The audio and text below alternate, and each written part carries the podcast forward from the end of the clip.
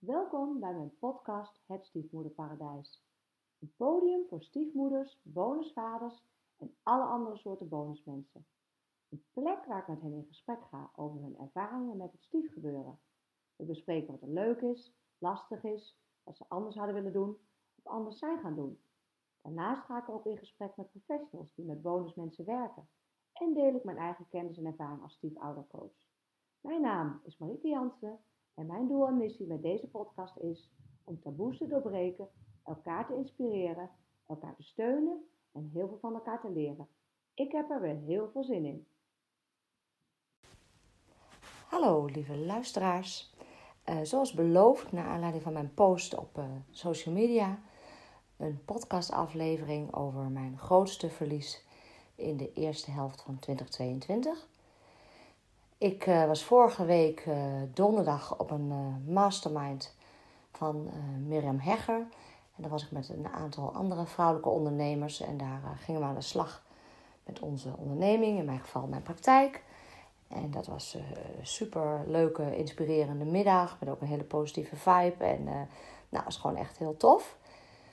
Maar er kwam een vraag voorbij. En dat was eigenlijk de enige vraag ehm, waarbij het glas uh, misschien iets minder uh, half vol was. Uh, in plaats van half leeg. Maar goed, ik weet niet of je het zo moet zien hoor. Het was gewoon een hele goede vraag eigenlijk ook. En de vraag was: wat is je grootste verlies in de eerste helft van 2022? Dus we blikten terug. Dus ik ging nadenken en nadenken. En ik denk, ja, over mijn eigen praktijk. Wat ben ik daarin verloren? Nou, dan ben ik eigenlijk, uh, in ieder geval heb ik daar heel veel in mogen ontvangen en krijgen.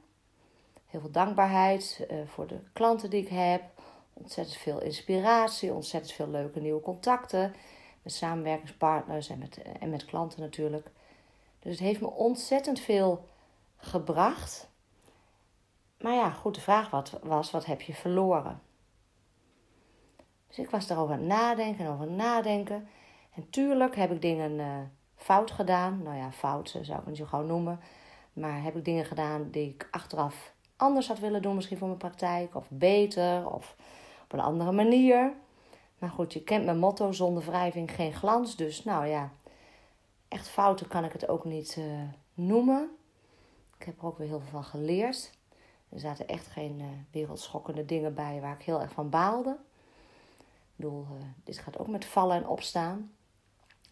Maar ik zat er dus over na te denken en de hele groep zat na te denken. En opeens, ja, ik weet niet hoe het uh, kwam. Maar ik denk dat ik ging nadenken: verlies, verlies, verlies. En opeens, uh, ja, kwam hij toch binnen inderdaad. En ik voelde hem ook met heel mijn lijf. Ik voelde me uh, verdrietig worden. Voelde een zwaar gevoel. Eh, wat druk op de borst. Maar vooral, ja, een stuk zwaarte en een stuk verdriet. En opeens wist ik het. Mijn grootste verlies van 2022 is denk ik dat mijn dochter haar onbevangenheid kwijt is. En misschien was ze die al kwijt, zal ik zo nog op terugkomen. Maar ja, ik weet niet wanneer ik me dat realiseerde. Ik denk een tijdje geleden al of zo. Dat ik dacht, jeetje, wat heb jij uh, veel meegemaakt einde van 2021, dus ruim een half jaar geleden, is haar vader natuurlijk overleden door euthanasie. En dat was een hele heftige periode. Maar goed, dat was haar vierde overlijden in uh, 2,5 jaar tijd. Ze verloor ook nog twee opa's en een oma. En uh, we zijn gescheiden drie jaar geleden, haar vader en ik. En we zijn verhuisd in een nieuwe school. Dus haar leven uh, heeft behoorlijk op zijn grondvesten geschud. En ik heb al vaak ook met allerlei andere mensen erover gehad. Dat ik me wel kan voorstellen dat voor heel veel kinderen in de eerste jaren van hun leven is er gewoon heel veel veiligheid en voorspelbaarheid. In ieder geval veel kinderen in Nederland. Um, veiligheid, voorspelbaarheid, vertrouwen in de wereld, vertrouwen in de mensen. En um, door al dat verlies en verandering heb ik al vaak gedacht van ja, weet je, aan jouw gevoel van veiligheid is wel enorm getornd. In de zin van dat er dingen gebeuren waar jij geen grip op hebt. Um, En ja, dat maakt natuurlijk dat. Ja, wat, wat, en dan, kun je, dan is natuurlijk de vraag: wat heb jij dan verloren? Ik bedoel, mijn kind is haar onbevangenheid kwijt. Dus ging ik over nadenken: wat heb ik dan verloren? Ik denk wel dat ik een heel stuk zorgeloosheid uh, verloren ben om haar. Dat ik me sinds uh, afgelopen zeven maanden veel meer zorgen maak om haar. En dat doe ik natuurlijk zelf, hè. dat zijn gewoon mijn eigen gedachten, dus daar zal ik zo ook wat over zeggen. Um, en of ze haar onbevangenheid al eerder kwijt was, ik denk ook deels wel. Haar vader was natuurlijk heel lang ziek. Daarin heeft ze heel veel meegemaakt. Is ook helemaal mee opgegroeid. Dus in die zin was het ook heel gewoon. Um, maar goed, ze heeft zich ook wel zorgen om hem gemaakt. En ze was altijd wel, voelde zich wel verantwoordelijk. Zeker toen we ook um, gescheiden waren. Zij, als zij bij hem was. Maar goed. Um, ik wil het vooral ook bij mezelf houden, dit uh, stukje. Want mijn verlies is denk ik uh, dat ik me minder zorgeloos voel, me meer zorgen maak. En uh, ja, deels voed ik dat ook zelf, lekker slim, door uh, te lezen over kinderen en rouw, door podcasts te luisteren over kinderen en rouw. Ik spreek natuurlijk veel uh, studenten ook, maar ook mijn cliënten hebben wel deze ervaringen. En wat ik dan wel veel terug hoor is um, van twintigers en dertigers jong een ouder hebben verloren, of als uh, basisschoolkind of als puber, dat ze dat eigenlijk de periode van kind en puber heel erg hebben geblokkeerd. Uh, niet hebben toegelaten, misschien ook niet konden toelaten, dat weet ik niet. En dat dat er later uitkwam. En um, ja, ik weet uh, enerzijds dat ik het los moet laten. Dat moet ik sowieso. Want ik weet nog dat iemand, eh, mijn supervisor, ik had ooit lang geleden een supervisor, die zei tegen mij: Marieke, de enige zekerheid die je hebt, is dat je doodgaat. En dat vond ik echt super helpend, want ik ben nogal van zekerheid, controle, alles willen weten. Nou, en inderdaad, het klopt. De enige zekerheid die je hebt is dat je doodgaat. En voor de rest weet je het niet. Dus ik krijg ook geen zekerheid over uh, hoe zij hier doorheen gaat komen. En waar ik aan moest denken was, en daar heb ik al vaak over nagedacht, van ja, heb nou vertrouwen in haar. Dan doe ik haar ook niet tekort als ik me zo verschrikkelijk veel zorgen ga zitten maken over of ze dit wel trekt en overleeft, et cetera. Dus doe ik haar daar ook niet mee tekort. En ik moet ook vertrouwen hebben in mezelf. Dat ik haar uh, hierin kan begeleiden, dat ik er voor haar ben. En bij kinderen is het heel moeilijk. Ik denk dat de buitenwereld ook denkt, eh, nou dat gaat prima met die Jolijn. En ik denk dat het op een bepaalde manier ook zo is. En toch merk ik wel dingen aan haar, uh, waardoor ik doorheb dat ze echt wel iets heftigs heeft meegemaakt. Uh, bijvoorbeeld slechter slapen. Maar goed, dat kan natuurlijk ook weer een andere oorzaak hebben.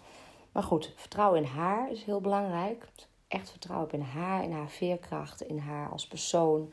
Dat zij dit aan kan. Uh, maar ook vertrouwen in mezelf. Dat ik uh, voor haar ben, dat ik haar kan begeleiden, dat ik uh, voor haar paraat sta. En um, wat ik wel heel mooi vond, en daar ben natuurlijk zo'n controlfreak.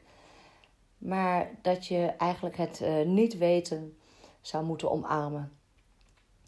Dus je weet niet hoe het gaat aflopen. Je weet niet wat er allemaal op ons pad komt. Je weet niet hoe ze zich ontwikkelt. Dus ja, neem dat nou aan, accepteer dat nou dat je het niet weet. En dat vond ik ook wel heel helpend eh, voor mezelf. Ik weet het niet, ik kan alleen maar naar beste eer en geweten handelen. Er zijn allerlei kinderen die van alles meemaken. En die uh, uiteindelijk uh, goed terechtkomen, er goed mee kunnen dealen. Dit is haar pad. En ehm, dus dat is iets waar ik aan probeer te werken ook. Vooral in mindset, maar ook in gedrag. Vertrouwen hebben in haar. Haar dat ook laten merken.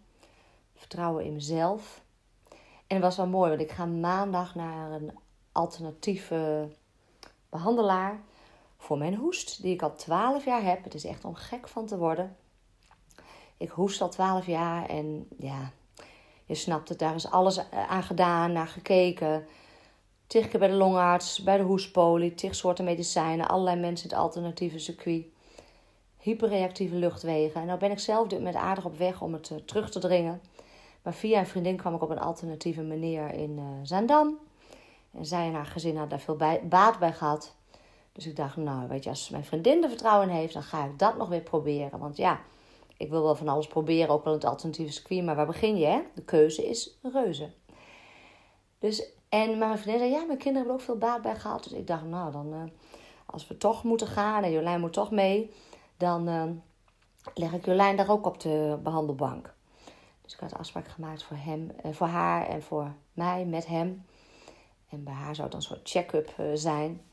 Ik kan je niet eens vertellen, navertellen wat die man doet. Het is echt heel verschrikkelijk. Ik praat jullie misschien nog wel een keer bij. Ik geef me er gewoon aan over, hupsakee. Maar mijn dochter die was heel erg in de weerstand. Nee, en dat wil ik niet. Dan ga ik niet heen en ik doe het niet. En uh, ze krijgt me de auto niet uit. Ik denk, nou, zo maak ik je nooit mee. Zo vol weerstand en zo. Dus ik dacht eerst van, nou, wat doe ik hier nu mee? Ik ga haar uitleggen wat we gaan doen. dat het niks voorstelt. Ja, en toen, één, twee dagen later, dacht ik van ja, als zij echt niet wil. Dus ik heb haar bevraagd, waarom wil je niet, zo en zo. Ja, ik wil niet. En dan gaat hij allemaal vragen stellen en daar heb ik geen zin in. Ik oh ja, zie je, dat is het. Ik snap het supergoed. En ze heeft natuurlijk al een tijdje begeleiding gehad voor het overlijden. En dat is ook afgerond. Dat was echt uh, fantastisch verder, was heel fijn. Maar ik snap het zo goed inderdaad. Ze zit niet op die vraag te wachten. Ze zit niet op uh, medelijden te wachten. Ja, dus ik heb uh, die meneer gemaild. Mijn dochter komt wel mee. Maar haar consulten kunt u annuleren. Ik dacht, ja, weet je, ik moet ook naar de grenzen van mijn dochter luisteren. En op haar vertrouwen weer. Komt u weer terug, hè? Ik wil alles doen om haar te helpen. Maar ik moet gewoon vooral vertrouwen hebben in haar. Dat helpt haar, denk ik, het uh, allerbest. Het gevoel geven dat ik er ben. En ook beschikbaar ben. Dus ja, dat was wel uh, bijzonder. Maar goed, ik ga hem uh, zo afronden. Mm. Ja, wat wil ik er verder nog over kwijt? Um. Nee, nou, misschien is dat nog een mooie aanvulling in de zin dat ik dat gewoon heel waardevol vind. Afgelopen weekend, uh, Jolijn wilde al heel lang klimmen in een klimbos. Nou, Misschien heb je het ook op mijn socials gezien, maar ik ben daar uh, minder van. Ik denk wel dat ik het durf, maar als iemand anders het wil doen met Jolijn, ben ik heel blij. En eigenlijk vind ik ook dat ze af en toe dingen met uh, wat mannen moet doen om die mannelijke energie in haar leven uh, te hebben. Want haar moeder is helemaal niet zo rouwdouwer en een stoertje. Ja, wel een stoertje, maar niet fysiek. Dus dat helpt ook niet mee. En mijn vriend Gert had daar al heel lang beloofd dat hij dat wel met haar wilde doen ja, dat vond ik gewoon super leuk. Want ze, doen niet vaak, maar natuurlijk met z'n tweeën samen. Zoveel zien we elkaar niet. Dus afgelopen zaterdag zijn zij met z'n tweeën naar het klimbos geweest. En Jolijn vond het helemaal fantastisch. En ik vond het echt super lief dat hij dat wilde doen.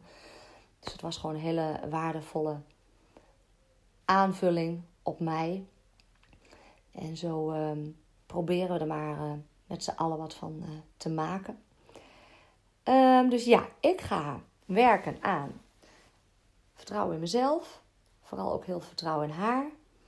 Beschikbaar zijn voor haar.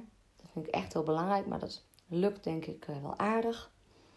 Omarmen dat ik het niet weet hoe het leven gaat lopen en wat er op ons pad komt.